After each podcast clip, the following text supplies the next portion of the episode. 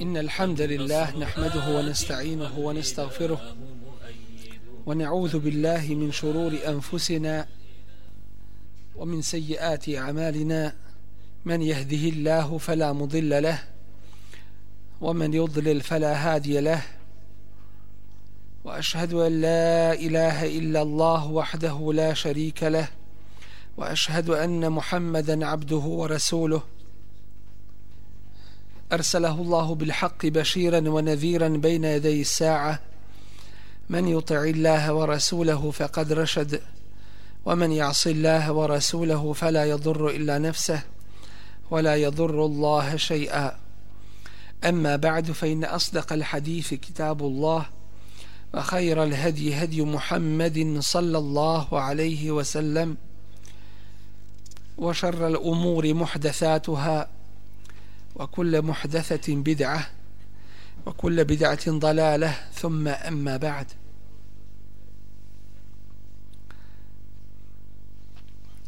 Hvala i zahvala uzvišenom Allahu te bareke ve taala gospodaru svih svjetova koji nam je naredio da budemo poslušni, pokorni i da mu budemo predani koji nam je zabranio da dodajemo ili oduzimamo išta od ove vjere ili da je mijenjamo neka je salavat i selam na njegovog Rasula Muhammeda sallallahu alaihi wa sallam kojeg je uzvišeni tabaraka wa ta'ala poslao da se ljudi na njega ugledaju i da ga slijede i da mu budu poslušni i neka je salavat i salam na njegovu časnu porodicu čestite ashabe i sve njegove sljedbenike do sudnjega dana.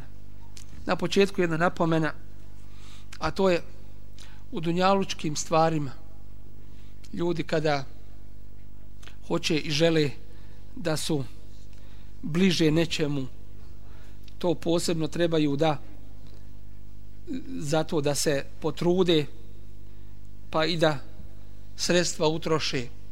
Ako sjede negdje u nekome međlisu prva mjesta su uvijek ili skuplja ili zauzeta i tako dalje. To će im ovdje potrebno čovjek truda učini kako bi bio ako je u prvom safu to je to je vrijednije to je efdalnije i tako je u svemu. Dakle da se trudi i nastoji da, buže, da bude prvi u svemu Allah te bareke ve taala kaže was-sabiqun as-sabiqun ulaika al-muqarrabun. Oni prvi prvi uvijek su oni prvi. To su oni bliski koji su Allahu bliski posebno kod Allaha te bareke ve taala odabrani za koje kaže thullatum min al-awwalin biće ih mnogo od onih prvih generacija wa qalilum min al-akhirin a malo od onih kasnijih generacija pa se potrudimo inšala da budemo od onih koji su prvi u svakome hajru u svemu što Allah tabaraka wa ta'ala voli i što zahtijeva od nas. S Allahom tabaraka wa ta'ala pomoći noćas će biti govora o jednoj vrlo važnoj temi koja je vezana za temelj i osnovu naše vjere. A to je poznato nam je da Islam u osnovi znači predanost pokornost Allahu te bareke ve taala to jeste izražavanje ispoljavanje njegovog tevhida njegove jednoće jedinosti slijedeње Allaha te bareke ve taala to jeste njegove vjere i poslušnost Allahu te bareke ve taala u onome što je naredio i ostavljanje onoga što je zabranio. Dakle to je praktična vjera musliman znači onaj koji je predan uzvišenom Allahu te bareke ve taala. Mumin znači onaj koji potpuno vjeruje Allahu te bareke ve taala a na osnovu toga vjerovanja i radi. Pa koliko vjeruje čvrsto u ahiret toliko će se za ahiret spremati da ti neko kaže za sat vremena imaš let, putuješ negdje ti bi se razletio što prije da skupiš stvari, da vidiš da šta ne zaboraviš i tako dalje, doći niko od nas neće s Dunjaluka ništa ponijeti od onoga što je sakupljao osim svojih dijela ili nedjela onoga što valja ili onoga što ne valja. To ide sa čovjekom. Pa koliko vjeruješ čvrsto u ahiret, toliko ćeš se za njega i pripremati. I muhsin, još jedan veći stepen od bumina, jeste onaj koji radi, ali to što radi, radi kako treba. Ljudi vole nekoga kad radi kakav posao, da ga uradi kako treba. A Allah takvoga posebno cijeni onaj sa kojim je Allah tebareke ve taala zadovoljan šim je poslom i radom zadovoljan uzvišeni Allah tebareke ve taala to je muhsin pa gledajmo da to sve inshallah ispunimo i ime muslimana i mumina i i muhsina dakle bit ove vjeri jeste slijedjenje jeste slijedjenje i od toga je u stvari ovo praktična vjera nije ovo vjera teorije. To jeste nečega što je iluzorno, neš, nečega što je divno na riječima, ali u praksi nije moguće ostvariti. Ne. Nego, pored toga, kažem, nije to samo da je to nešto divno, a s praksom nema ništa, već je to divno, odlično i u praksi sprovodljivo. I zato je to dio šahadeta Muhammedu Rasulullah upravo uz la ilaha illa Allah da se ono vjerovanje u Allaha te baraka wa ta'ala ostvari u praksi kroz slijedjenje Resula sallallahu alaihi wa sallam. I zato osnovna karakteristika vjere jeste slijedjenje. Od tebe se ne traži da nešto novo uvedeš u vjeru, nego se traži da radiš onako kako je propisano. To jeste po uputstvu tvoga života. A gdje je uputstvo tvoga života? Kao što imaš uputstvo, ne bi ne, ne bi prim, primijenjeno, jeli, u ljudi kad naprave kola ili neki aparat, uz to ide uputstvo o upotrebi. Uputstvo o našem životu jeste Allahova knjiga Kur'an i Kerim. Šta smiješ jest, šta ne smiješ gdje smiješ ići, gdje ne smiješ ići. Šta smiješ raditi, šta ne smiješ raditi. Sve u tvome životu cjelokupnome. Ništa nije propušteno, a da ti nije precizirano. Cijela knjiga uputstvo tvoga života. Ako nećeš primjenjivati, sebi se našteti. I uz to pojašnjenje toga uputstva, a to je praksa Resula sallallahu alaihi wasallam. Drugim riječima, la ilaha illallah Muhammedur Rasulullah. To treba da bude tvoj život mi ćemo sada govoriti o nečemu što se čuje s vremena na vrijeme da ljudi rade i griješe u tome, ali kod nekih još postoji nedoumica, postoji nejasnoća, pa to treba objasniti. A o čemu je riječ? Govor je o novim stvarima u vjeri koje se zovu jednom riječu bidati. Šta su to bidati? u čemu bivaju bidati? Koje su vrste bidata? Koji su uzroci pa su uvedeni bidati? Ko je uveo bidate? Kad su nastali bidate? Kakav je islamski stav u pogledu bidata? Dakle, o tome, inša Allah, će noćas biti riječ i pokušat ćemo ovdje, inša Allah, koji smo i oni koji govore i oni koji slušaju da se dadne odgovor na ova mnogobrojna pitanja. U prvom redu bidat je riječ arapskog porijekla. U korijenu riječi kaže se da vodi porijeklo od glagola beda'a što znači nešto novo učiniti. Uraditi nešto što niko nije prije tebe uradio. I zato se kaže mubdi' šta znači mubdi' u arapskom jeziku, to znači inovator. Ljudi koji nešto novo naprave što ljudi do tada nisu znali. To je mubdi' u dunjalučkim stvarima nešto uradi, to su inovatori. Nešto novo napravili što ljudi prije nisu imali, niti su zato znali nije prije toga bilo nešto slično tome. od ovoga jezičkog značenja jeste i kuranski ajet bedi'u samavati wal ard. Allah se naziva bedi' onaj koji je stvorio iz ništa bez prethodnog primjera nečega sličnog es wal ard nebesa i zemlju. Dakle iz ništa iz nepostojećeg stvorio nebesa i zemlju bez prethodnog primjera. Od ovoga je i kuranski ajet gdje uzvišeni Allah kaže kul ma kuntu bid'an min ar-rusul. Reci Allahov poslanice ja nisam bid'an min ar-rusul. Jedan prvi poslanik to jeste prije mene je bilo mnogo poslanika ja nisam prvi koji se pojavio nego je prije mene puno ih bilo dakle nisam prvi poslanik pa što se čudite mome što se čudite mome poslanstvu. Dakle, to je jezičko značenje riječi bid'at.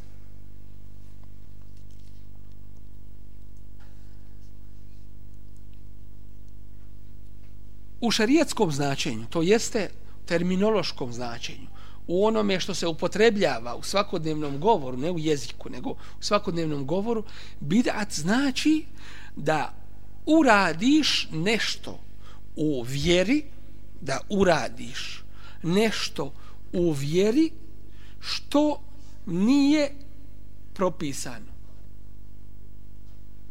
Što znači, ako uradiš nešto u dunjalučkim stvarima, zašto nemaš dokaz šerijatski, nema smetnje, to nije bidat. Zašto? Zato što u dunjalučkim stvarima osnova je da su dozvoljene. I zato nije ti potreban poseban dokaz da su jabuke halal, da su šljive halal, da je ovo što imamo ko sebe od Allahovi blagoda da je to halal. Ne treba ti poseban dokaz, ajeti, hadis iz Kur'ana da je to halal. Zašto? Zato što je to u osnovi halal. Treba ti dokaz da je to zabranjeno. A ne treba ti dokaz da je to halal. Jer je sve u osnovi ovo dunjalučko halal. I zato ono što se ne smije raditi od dunjalučkih stvari, to ima poseban dokaz. Pa kada vam neko kaže daj mi dokaz da je, neš, da je čilim, na primjer, halal, ne treba ti taj dokaz. Ali kada vam neko kaže haram ti je to u kući da držiš, onda kažemo daj mi dokaz za to. Jer je osnova za dunjalučke stvari da su one halal. Kad ti neko dođe pa kaže haram ti je drža sliku u kući. A ja kažem šta ti je dokaz za to? Jer osnova je da su stvari ove dunjalučke dozvoljene. Onda kažemo zato što je Allahov poslanik, ali sad sam rekao kuća u kojoj ima slika ne ulaze meleki. To je dokaz šerijatski. Tu stajemo. Kod zabranja u pogledu dunjalučkih pitanja. I zato bitat biva u vjeri a nikako u dunjalučkim stvarima. Iz nepoznavanja ove definicije bidata mnogi griješe i kažu znači mi danas treba da idemo na devama. Mi danas treba da živimo pod čatorom. Jer kažu i kuće su bidat, i avioni su bidat, i rakete su bidat, i topovi, i šta god hoćete dalje. Mi kažemo, nije to tako.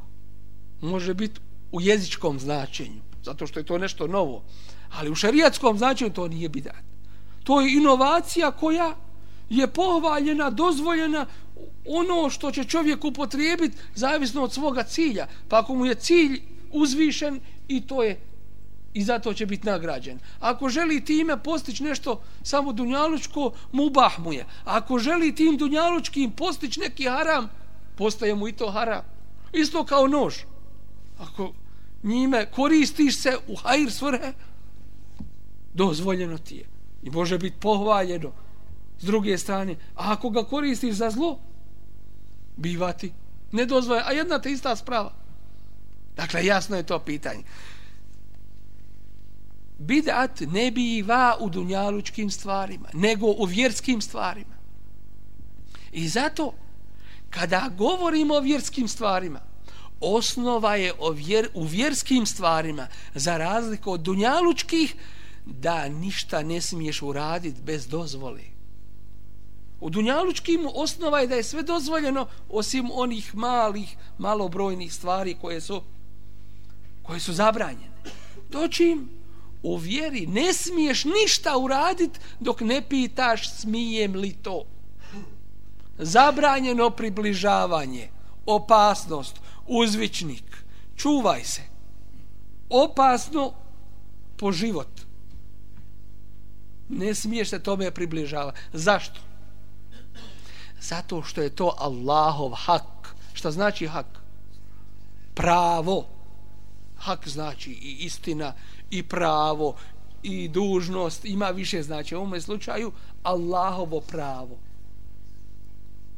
Da on propisuje šta će ljudi raditi kako će živjeti i kako će postupati. Zašto Allah samo? Zato što je Allah stvorio ljude.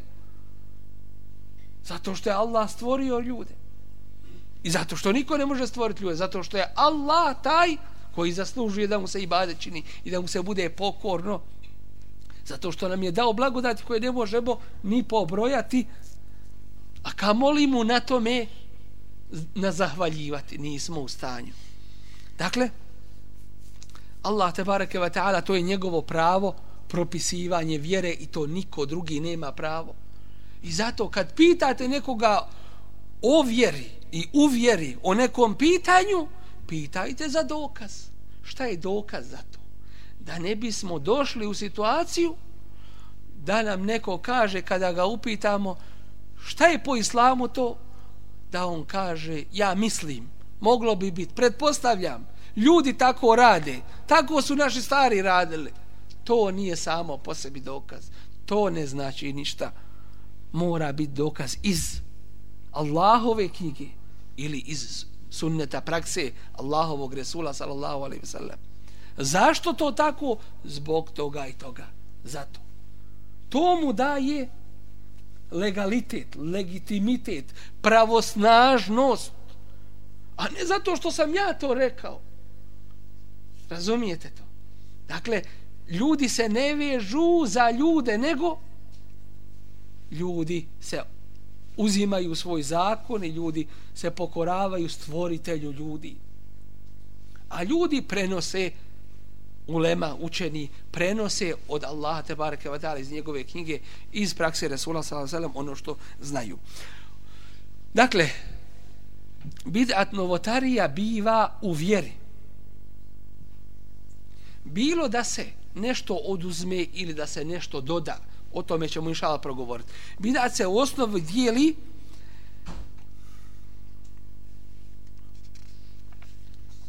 rekli smo ovaj šerijatski jel, koji se pojavljuje dijeli se u na dvije vrste bidat koji biva riječima i ubjeđenjem.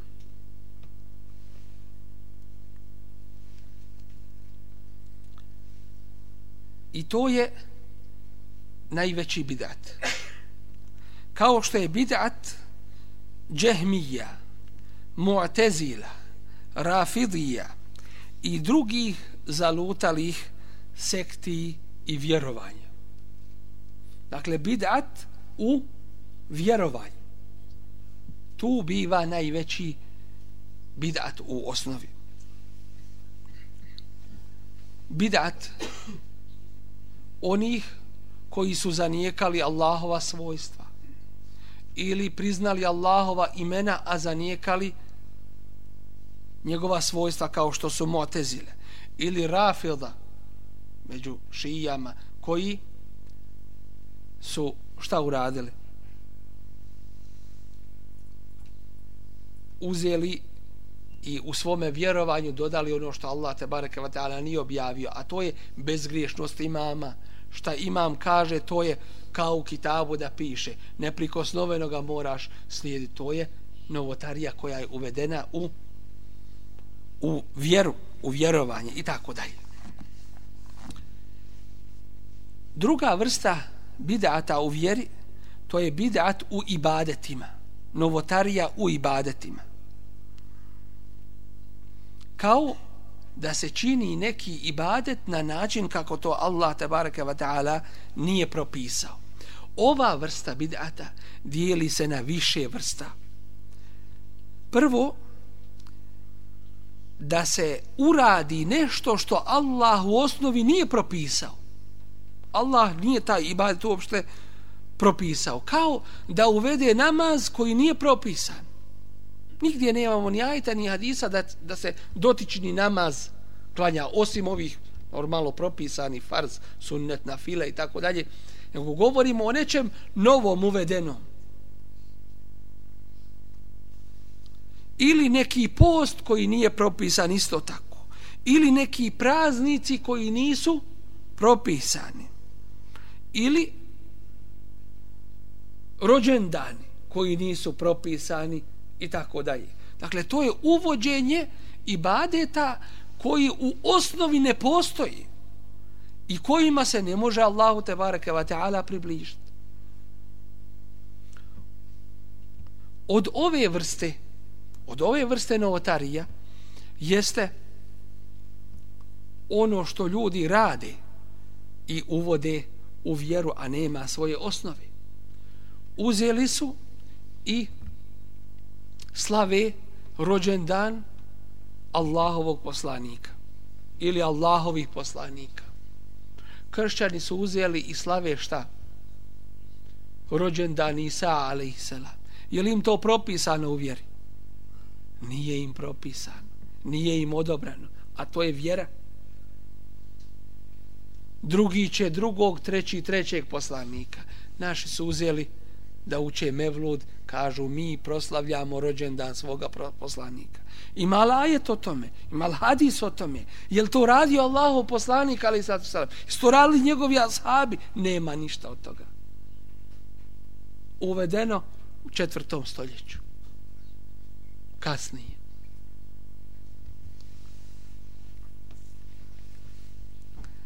Druga vrsta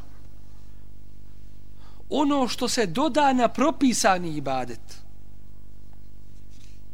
Na primjer, podne namaz u farzu, mjesto četiri on doda još jedan rekiat, pet, nam, pet rekiata. Dodao na propisanu, ne valja mu ni na četiri. Pokvario i to. Zašto? Uveo nešto novo. U osnovi propisano podne, propisan namaz, ali propisan četiri rekiata, a ne pet. Dakle, dodao se na taj, nije ti nije ti u redu. Promijenio si u načinu, u broju u ovome slučaju si promijenio, pa ti nije u redu. Treća vrsta, da izvrši u ibadetu koji čini promjenu u svojstvu. To jeste da učini određeni ibadet na način kako on nije propisan. Na primjer, propisan je zikr. Šta je zikr? Spominjanje Allaha Đelešanu. Propisano, pohvaljeno, preporučeno i zato ima nagrada. Doćim da promijeni način toga. A to je sjednije u halku i onda sto puta la ilaha illallah glasno u jedan glas ljuljajući se. To kažemo, to je novotarija. Pa otkud novotarija kad je propisan zikr? Ja Allah Đelešanu uspominjem, što ja loše radim? Kažemo, promijenio si način. Nije ispravno. A vidjet ćemo i dokaze za ovo što se govori. Da ne bude, govori se bez, bez dokaza i bez podloge. Dakle, način ako se promijeni.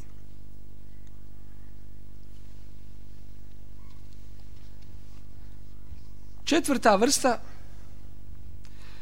da odredi vrijeme ili mjesto za određeni ibadet.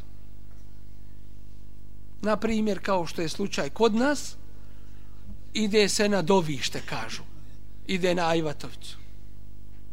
Zašto ideš? Odgovor bi bio precizan, zato što smatram da je to mjesto odabrano i mislim da mi je tu dova kabulnija. Zašto bi išao posebno gore? Sjedi kod kuće pa uči. nego ide masuz na to mjesto. Zato je zabranjeno masuz ići da se posjeti neka džamija osim one tri propisane u Mekki, u Medini i u Kudusu. Zašto? Ti možeš doći u bilo koju džamiju, masuz, da bi čuo ders, da bi se okoristio učenjem Kur'ana i tako dalje. Ali da ideš u neku posebno džamiju, smatrajući je odabranijom od drugih, da je seva veći u njoj da se klanja nego u drugoj i tako dalje, to je novotarija. Iako je i džamija propisana i namaz propisan, i sve ono što je u sklopu toga, ali kada si odredio vrijeme, odredio mjesto koje nije određeno i propisano, izvelo te je iz svojstva sunneta u svojstvo bidata i novotarije. Ste vidjeli? Dakle, čak i u stvarima koje su koje su propisane, ali kada se promijeni vrsta ili broj ili način ili mjesto i i vrijeme, kada se nešto u to uvede, to će ga izvest iz iz onoga svojstva sunneta u, u svojstvo novotarije. I zato da je neko mjesto odabrani od drugoga, mora imati delil. Mora postojati dokaz da se, da se to mjesto posjećuje masus, da je odabranije i da se tu dova posebno prima ili ibade, da je vrijednije na toj mjestu i tako dalje. Kakav je hukum, propis šerijata u pogledu novotarija. Šta islam kaže u pogledu ovih novih stvari? Svaka novotarija u vjeri je haram. Zabranjena. I to strogo zabranjena. I to je, kako se spominje u hadisu Resula sallallahu sallam, što ćemo objasniti, dalalet. Šta znači dalalet? Dalalet znači kad ideš jednim putem, a onda skreneš. Počneš lutat. Kreneš drugim putem. To je taj dalalet. Dakle, skretanje sa, sa pravoga puta. Resulullah sallallahu alaihi ve sellem kaže svome hadisu wa iyyakum muhdathatil umur i dobro se čuvajte novih stvari u vjeri svakako ovdje u ovom slučaju fa inne kulle muhdethetin bid'a. Jer je svaka nova stvar u vjeri bid'at. Wa kulle bid'atin dalale a svaki bid'at jeste dalalet jeste zabluda. Ovaj hadis bilježi imam Ebu Davud i Tirmizi kaže da je hadis hasenun sahih. U drugome hadisu kaže Resulullah sallallahu alaihi ve sellem Men ahdefe fi emrina hada ma lejse minhu fe huwa red ko uvede u ovu našu vjeru što nije od nje, to jeste što nije propisano, to je odbačeno. To jeste, ne prihvata se, ne radi se po tome, ne slijedi se i neće takav biti nagrađen za to dijelo koje učini. U drugom rivajetu men amila amelen ko uradi neko djelo lejsa alejhi emruna fehuva red ko, na, ko, koje nije u skladu sa našom vjerom to jeste nije propisano vjerom fehuva red to je odbačeno. Jer smo rekli da je Allahovo pravo, neprikosnoveno pravo njega uzvišenog te bareke, vatala jedinog da propisuje vjeru. To pravo nisu imali ni Allahovi poslanici. Najveći Allahov poslanik Resulullah sallallahu sallam, koji je hatemun nebijin, pečat svim poslanicima, nije imao to pravo. Allah te bareke ve taala kaže em lehum shuraka u shar'u lahum min ad-din imaju li oni božanstva koja im propisuju njihovu vjeru malem jedem bihillah ono što Allah nije propisao.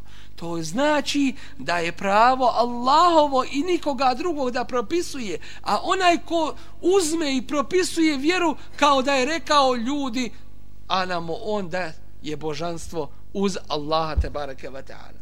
Jer uzima sebi za pravo propisivanje vjeri u pogledu Resula alaihissalatu wasalam kaže uzvišenje Allah u sura Al-Haqqa ولو تقول علينا بعض الاقاويل da je na nas rekao bilo šta Resulullah sallallahu alejhi ve sellem kojeg je Allah uzvišeni uzdigao iznad sedam nebesa, kojega je počastio najboljim ummetom koji se pojavio na čovječ, među čovječanstvom, kojeg je počastio najboljom objavom Kur'an i Kerimom, koji će prvi ući u džennet, koji će inša Allah dobiti mjesto u džennetu koje može pripasti samo jednome čovjeku na Dunjaluku, a to je El Vesile.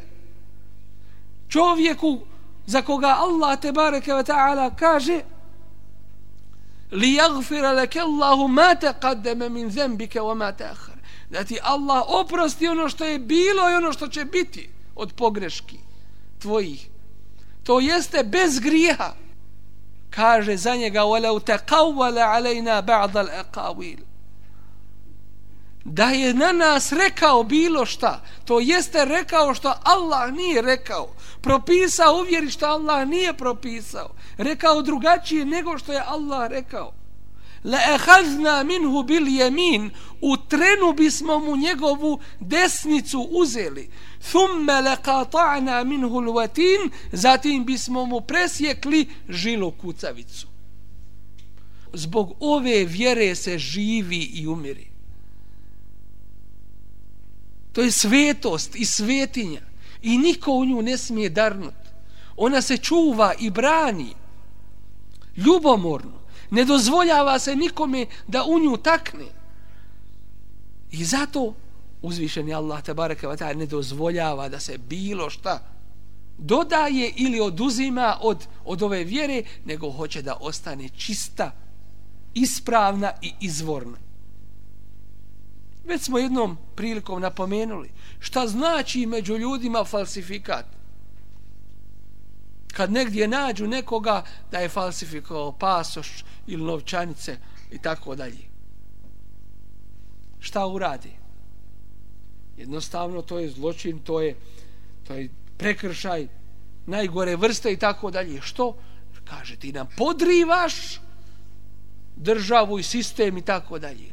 A šta je s onim koji falsifikuje vjeru? Vjeru Allaha te bareke wa ta'ala. I ljudi onda rade po tome, ali nema rezultata. Što nema rezultata? Zato što nisu uradili o, tačno po onoj formuli, onako kako je propisano. Ako tako ne uradi, neće imat nagrade. Koliko će ih doći ljudi na sudnjem danu? A, miletun nasibe, koji su radili, trudili se na Dunjaluku, umorili se svojim radom išao i dan i noć, molio se, ispovjedao se pred popovima, davo članarinu, uplaćivo da se sagradi ovo ili ono.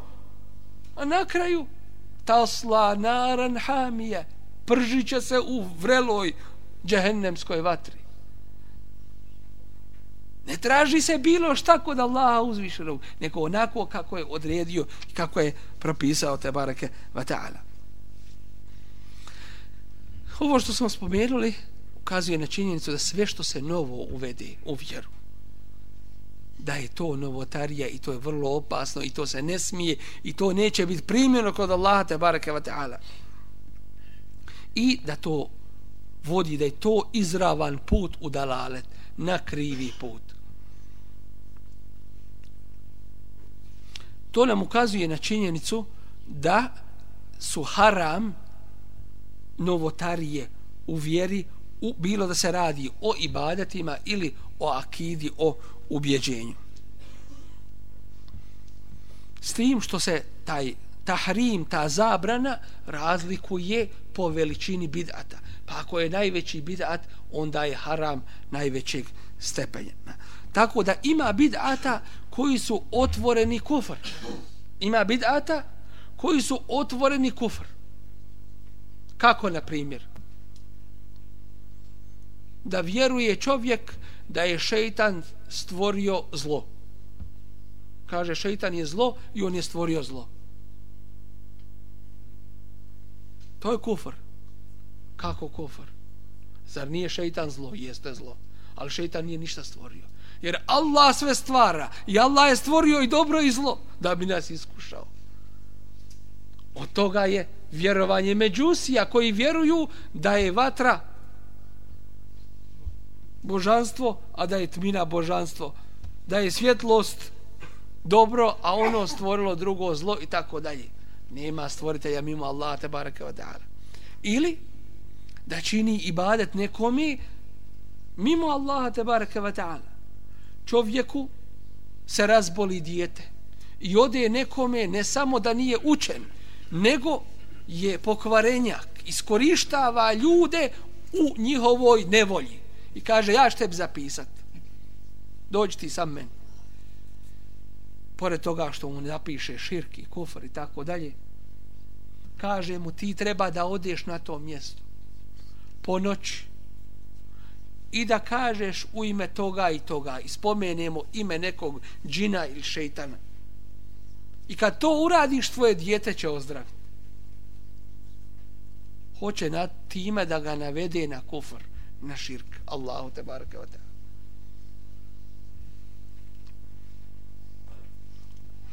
ili da dođe do turbeta gdje se kaže ovdje je pobožan čovjek ukopan. Evlija Allahu.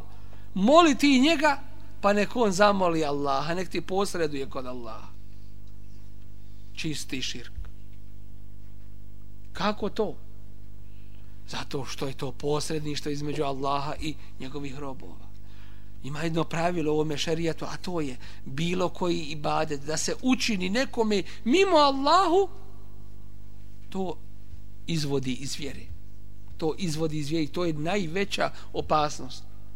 Zar nisu mušici u Mekke koji su bili, protiv koji se borio Resulullah s.a.v.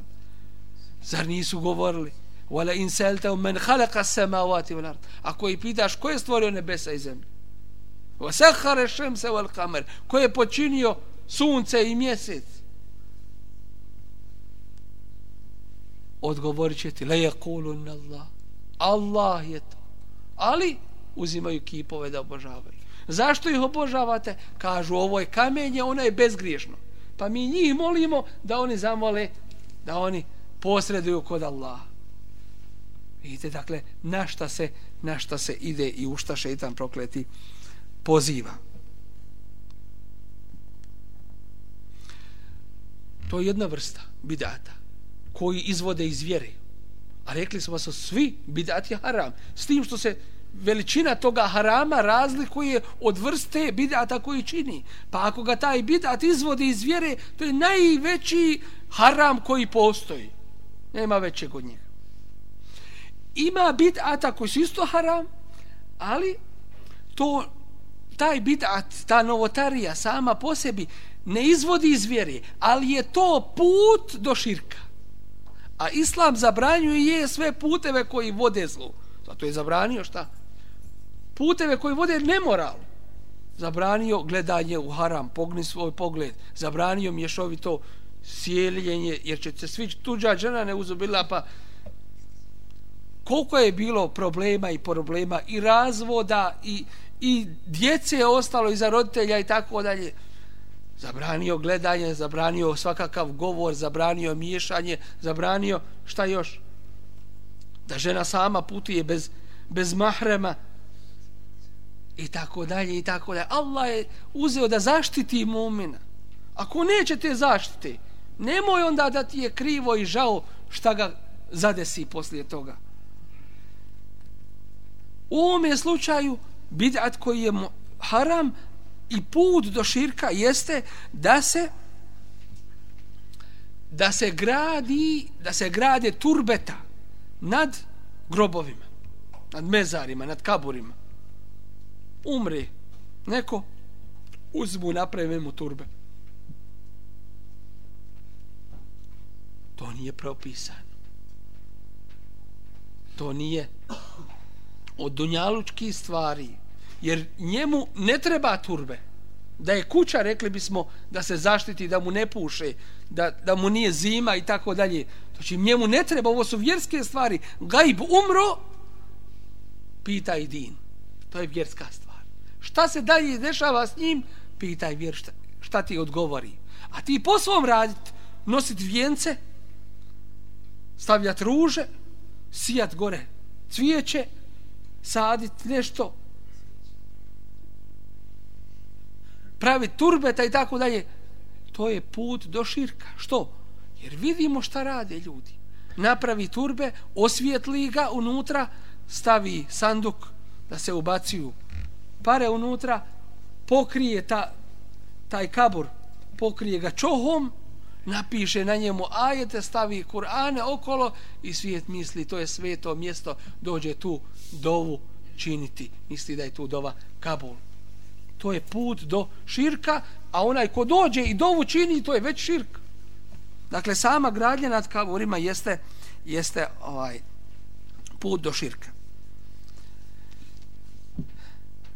Ima bidata koji su akidetski grijeh, grijeh u, grijeh u pogledu akide, kao što je vjerovanje murđija. Ko su murđije?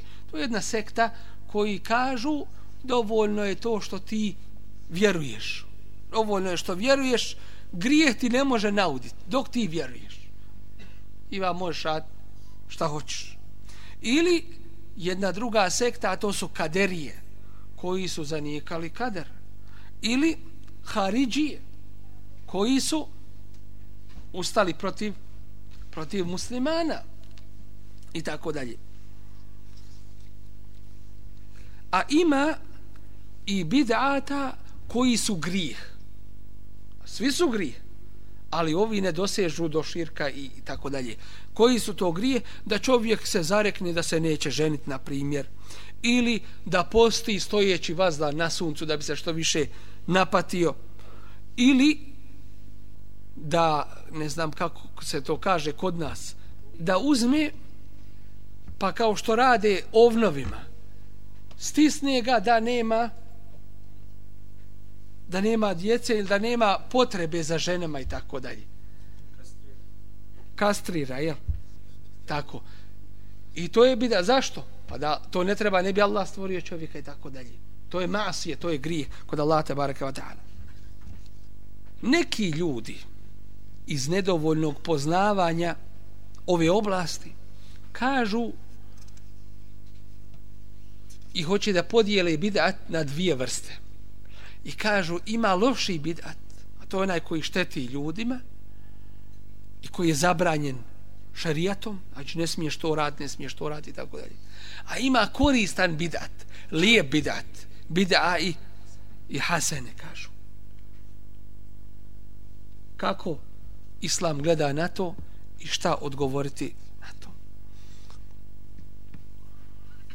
Onaj ko to misli, u svakom slučaju čini jednu veliku grešku samim tim što se suprostavlja riječima Resula sallallahu alejhi ve sellem gdje kaže fe inne kulle bid'atin dalale svaki bid'at jeste dalalet nakon što je Resul sallallahu alejhi ve sellem rekao da je svaka novotarija da je to dalalet, krivi put, da je to stramputica i tako dalje. Ko može poslije njega doći da kaže ne, ovaj bidat, ova novotarija je lijepa. Kad je on rekao svaka novotarija je dalalet. Nema više izuzetka. Kako može drugim riječima reći a ovaj dalalet je lijep. Ima lijepog dalaleta. Može li biti stramputica i krivi put lijep. Ne može. Allah kaže te baraka ta'ala Ja ju alladhina amanu la tuqaddimu bayna yaday illahi wa rasuli. Wattaqullah. Ovi koji vjerujete, nemojte prelaziti pred Allaha i njegovog Rasula, ali sad sam. To nam opisno govori. Kao kad ideš s nekim, pa ti ideš prije njega. Pusti nek ide prije te, nek te vodi. Drugim riječima, nemoj ništa da uradiš i da kažeš dok ne pitaš šta i kako treba da uradiš. Znaš li ti bolje od Resula, ali sad sam? Entume alemu emilla, znaš li bolje, bolje od Allah? Pa kako možeš onda reći, to je lijepa novotarija. Zato što se tebi sviđa, to nije mizan, mjerilo ispravnosti nečega. Ima ih koji hodaju tamo gdje ne treba ići, pa kažu da im se sviđa. Jel to mjerilo da je nešto dobro? Nije to mjerilo. Nefs, tvoja strast, ne može biti mjerilo da nečega da je ispravno i da nije ispravno, nego je to Allahov zakon i njegov šarijat.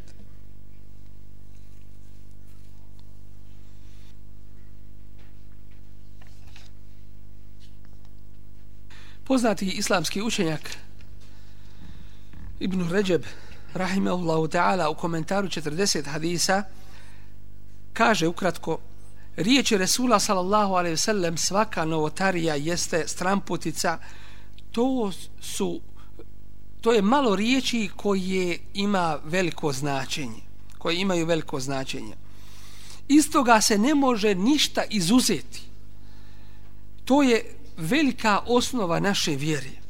To je isto kao što je rekao men ahdese fi amrina hada ma laysa minu fa rad ko uvede u našu vjeru ma laysa min nešto.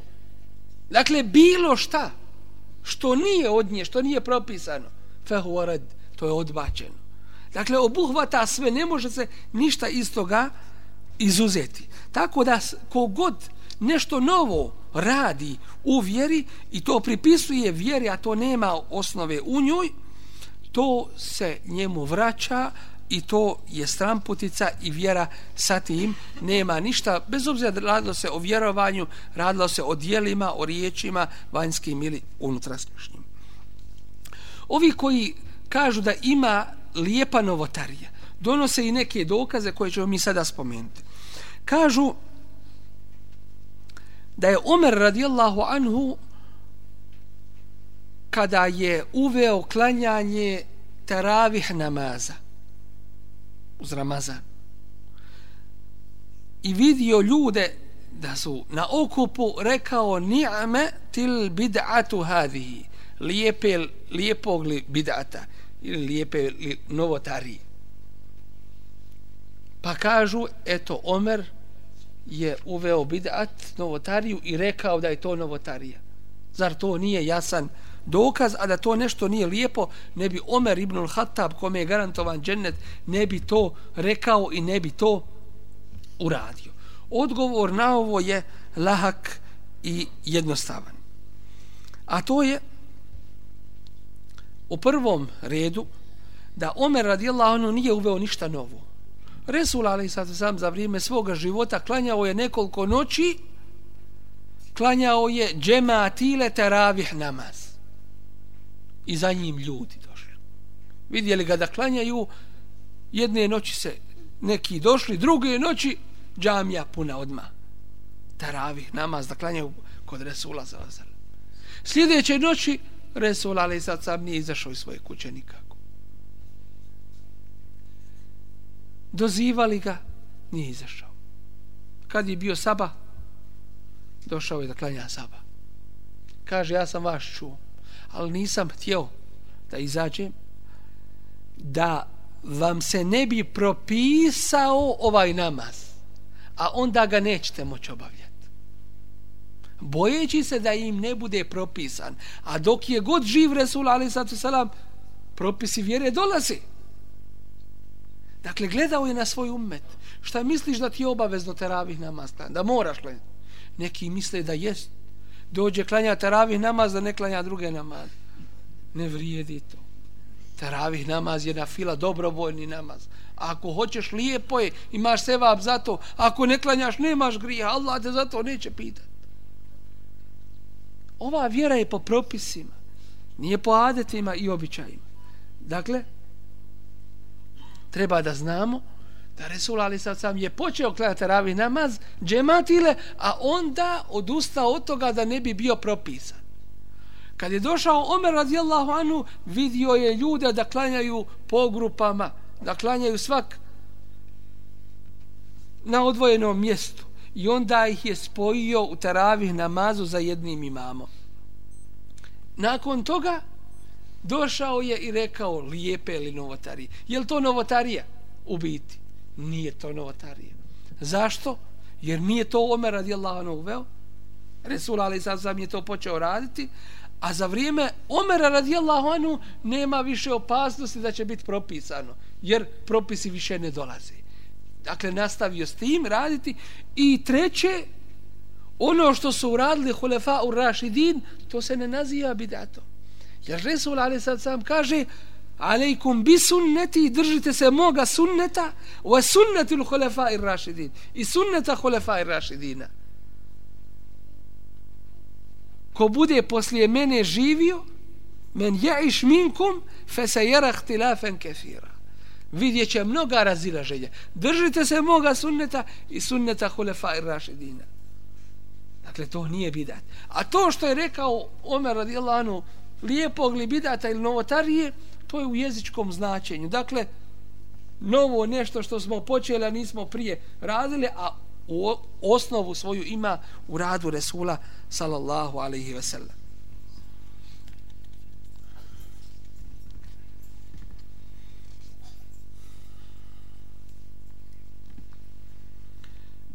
Drugo što navode kao dokaz, kažu vrije, u vrijeme Resula sallallahu alaihi ve sellem nije bilo, nije postojalo zapisivanje hadisa.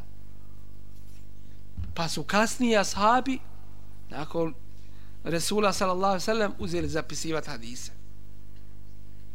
Zar to nije nešto novo u, u vjeri?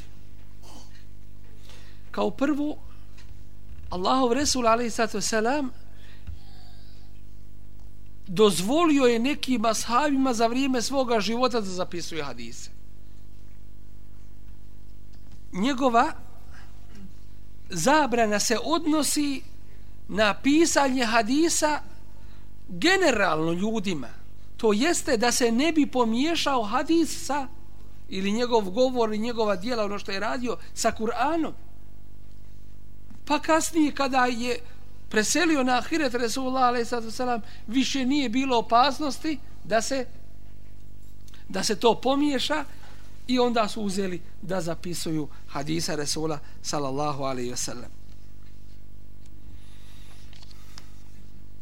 I treće, kažu hadis Resula alaihi wasallam kao svoj dokaz, men senne fil islami sunneten hasene, ko uvede u islamu lijep običaj, felehu eđruha, on zato ima nagradu. Wa eđru men amile biha, min gajri en jenkusa min uđurihim šeja. On zato ima sevab s tim što se neće uma, sevab i za one koji ga u tome budu slijedili s tim što se njima neće od njihovog sevaba ništa umanjiti.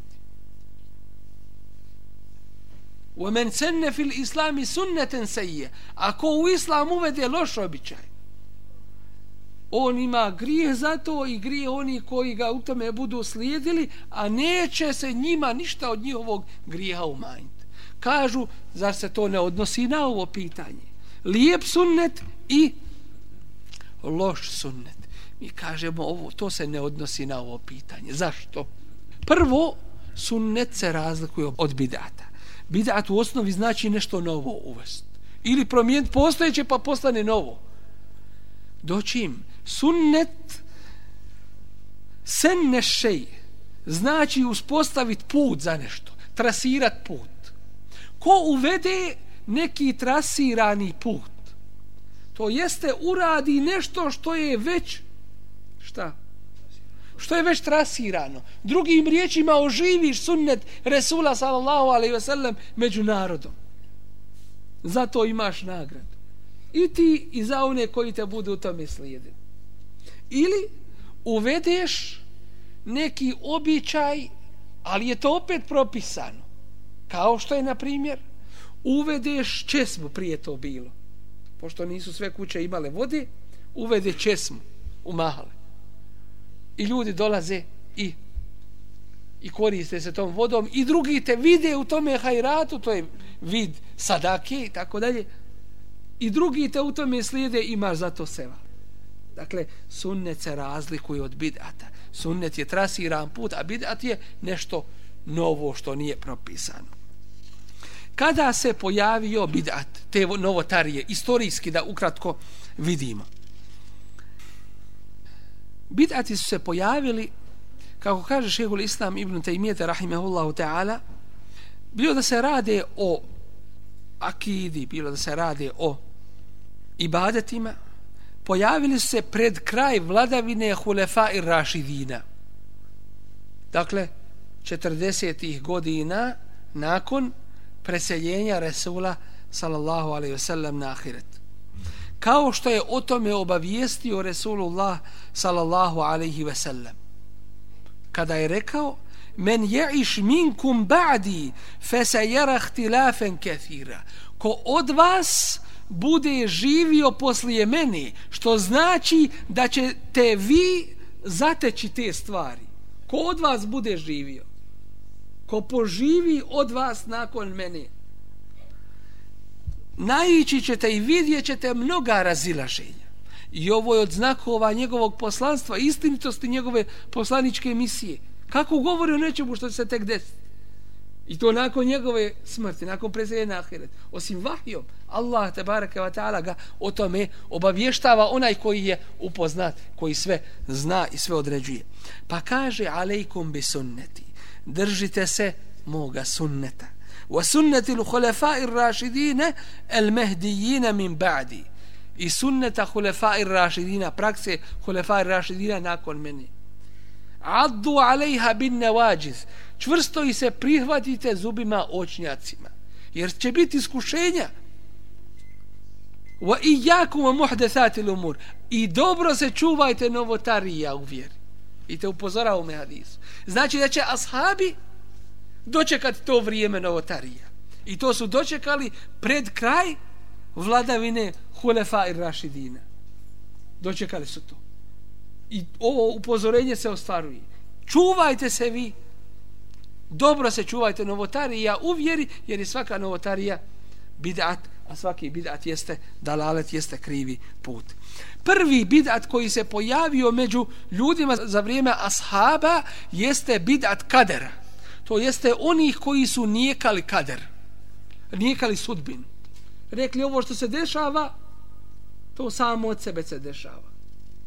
Nije pa Allahovo odredbi, ne uzubila zanijekali kader. I prvi hadis u sahih muslimu govori o tome kad dvojica dolazi i obavještavaju Abdullah ibn Omera radijallahu anhu da se da se pojavili ljudi koji nije ču kader, kaže kad ih sretneš, obavijesti ih o tome da sam ja čist od njih, nemam ništa s njima, da ih se odričem. A od koga se musliman odriče? Od nevjernika. Izašli su iz vjere. Prvi vida, dakle, nijekanje kadera. I novotarija murđija. A o čemu se radi? To je jedne sekte koji naučavaju da grijeh neće nauditi čovjeku uz njegovo vjerovanje. Znači, dok ti vjeruješ kakav god grijeh radiš, neće ti to nauditi. I novotarija šija. Novotarije koje su uveli. I novotarije haridžija.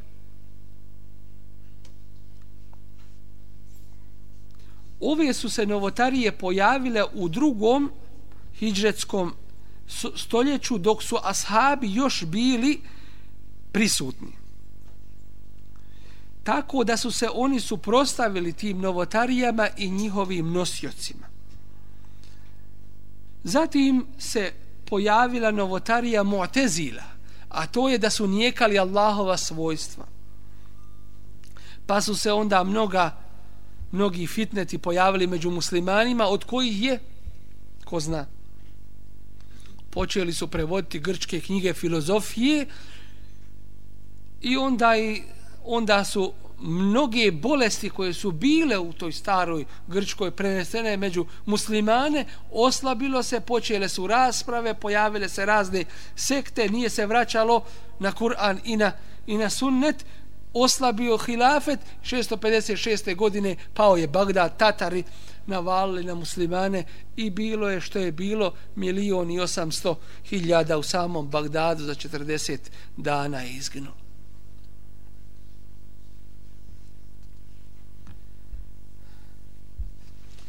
U tome vremenu se pojavio i bidat sufizma, dakle,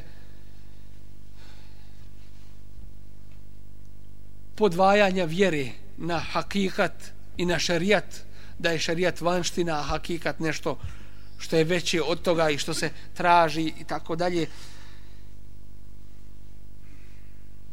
zatim novotarije gradnje nad grobovima i vremenom kako se kako je vrijeme odmicalo sve su se bidati više više više širili i povećavali među ljudima nažalost gdje su se pojavile novotarije? Rekli smo kada? A gdje su se pojavile? Koja su to mjesta kojima su se pojavile novotarije? Isto nam o tome govori šehol islam rahimahullahu ta'ala i kaže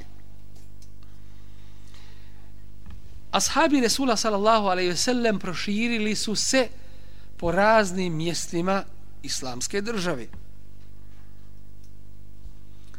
Mjesta odakle ili centri iz kojih se proširilo znanje, njih je bilo pet. Dva harema, to su Mekka i, i Medina. Zatim dva Iraka, a to su Basra i Kufa i Šam. Današnje područje Palestine, Sirije i Jordana nakon što su muslimane podijelili drugi.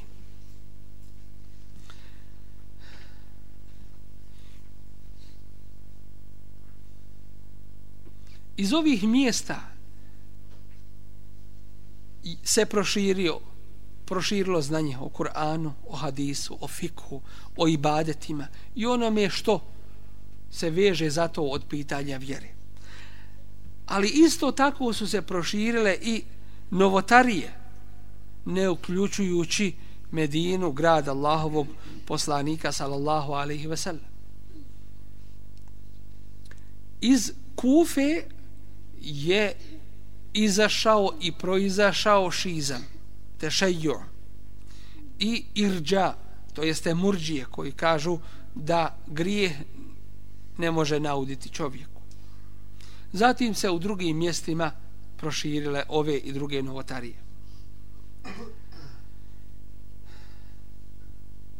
Iz Basre je izašla novotarija nijekanja kadera, sudbine i novotarija i atizala, to jeste nijekanja Allahovih svojstava, a priznavanja samo imena.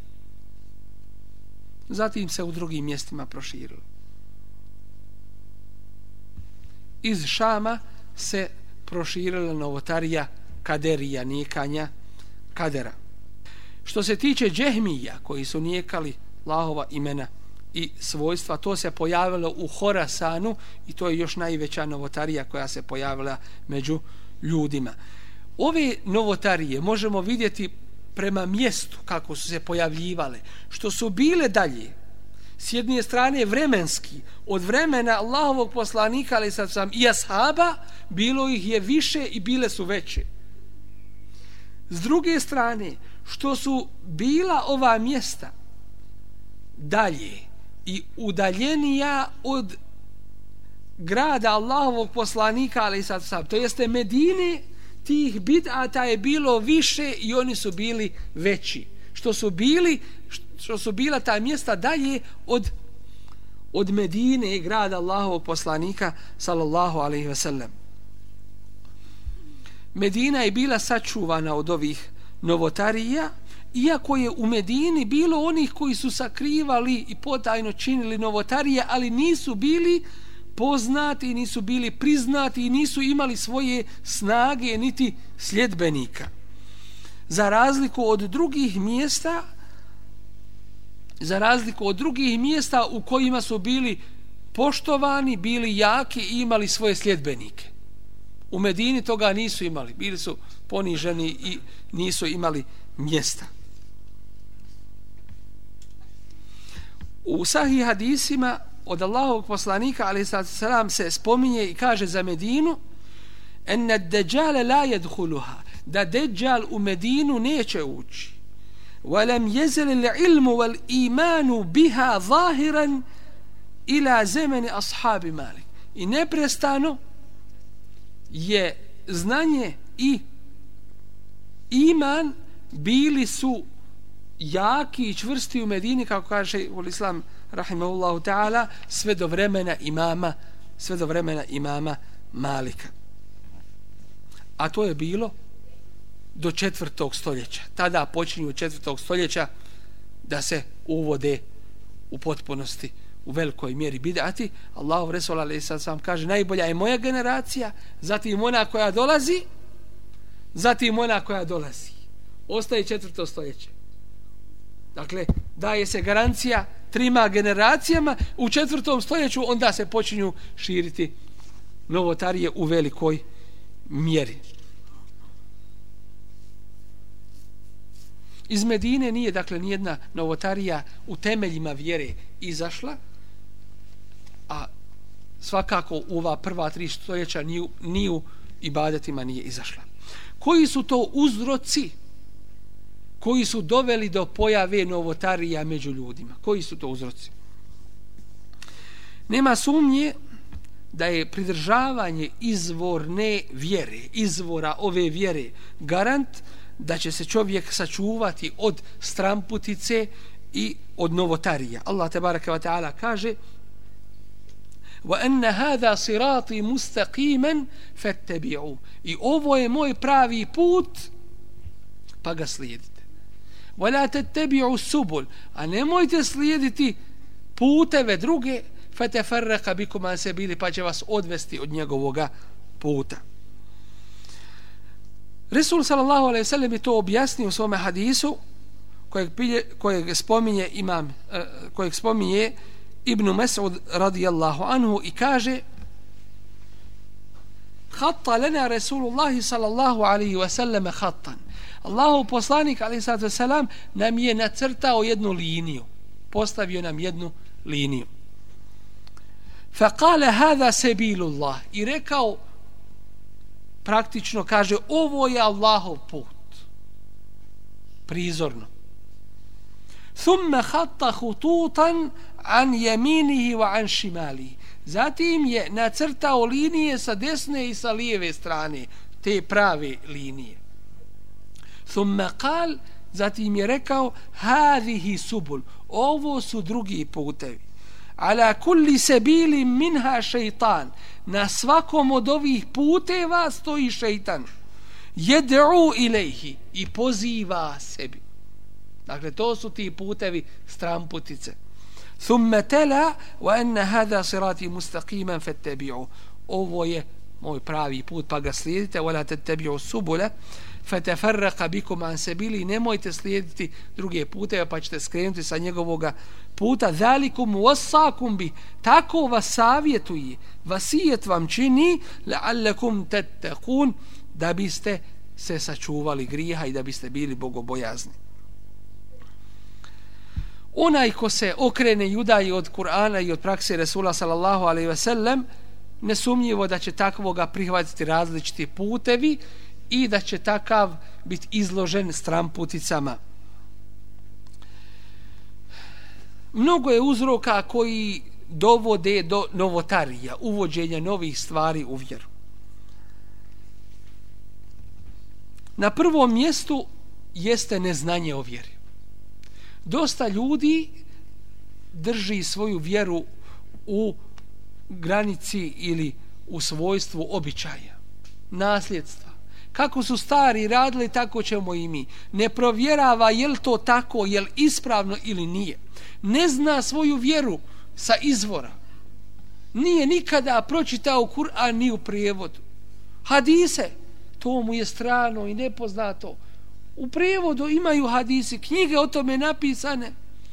Nije se tim bavio jednostavno. Nije bio zainteresovan, nije bio u takvom društvu da mu neko kaže da to radi, da čini. Neznanje uvjeri, ako ne znaš šta je pravo, nema sumnje da ćeš morat nešto uraditi što je krivo. Bez obzira koliko htio i želio pravo da, da radiš i uradiš.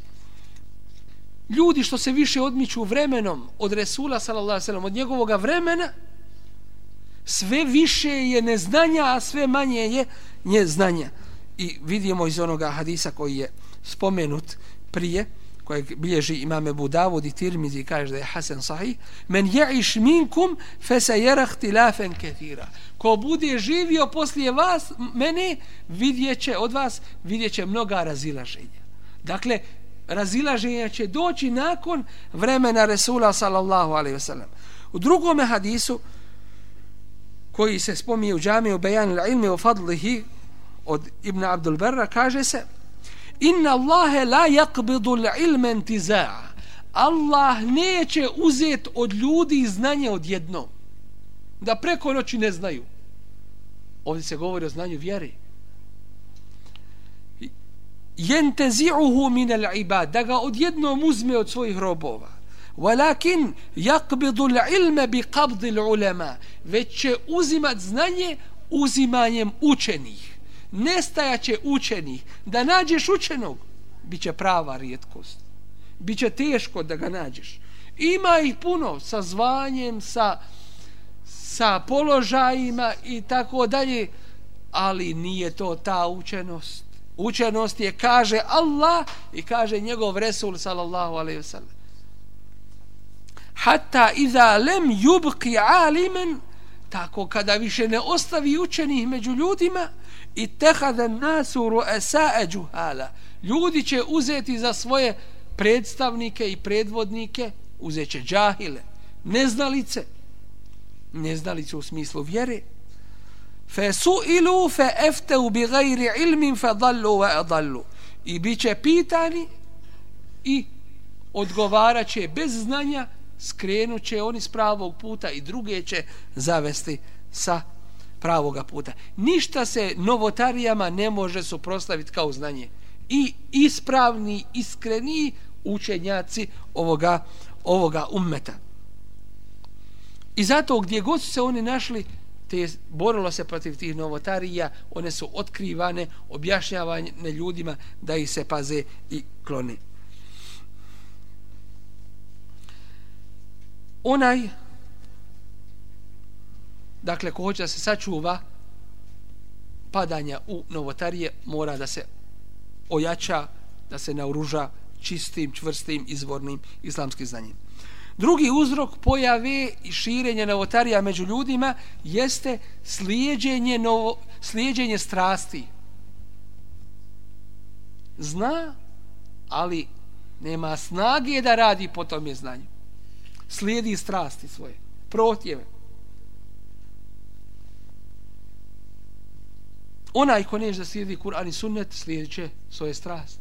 Allah uzvišeni kaže fa illam yastajibu leke pa ako ti se ne odazovu Allahu Resul fa'lam annama yattabi'una ahwa'ahum neka znaš da oni slijede svoje strasti. Ako neće istinu hoće neistinu. Ako neće pravo hoće krivo. To je jasno. ومن أضل ممن اتبع هواه بغير هدى من الله ako je na većoj zabludi od onoga koji slijedi svoje strasti bez upute od od Allaha tebareke ve taala. Pošto o ovoj temi imamo još prilično da progovorimo inshallah, a to je koji su još uzroci koji su doveli do pojave i širenja novotarija, zatim kako su se islamski učenjaci kroz istoriju suprostavljali tim novotarijama, kako treba se odnositi u pogledu novotarija i onih koji ih čine, inša Allah, nastavit ćemo u sljedećem kazivanju. Molim Allah te baraka wa ta'ala da nas učine od onih koji slušaju ono što je najljepše i to prihvataju. Zakum Allah. Subhanak Allahumma bihamdik. Šadu la ilaha illa anda astagfiruka wa atubu ilik.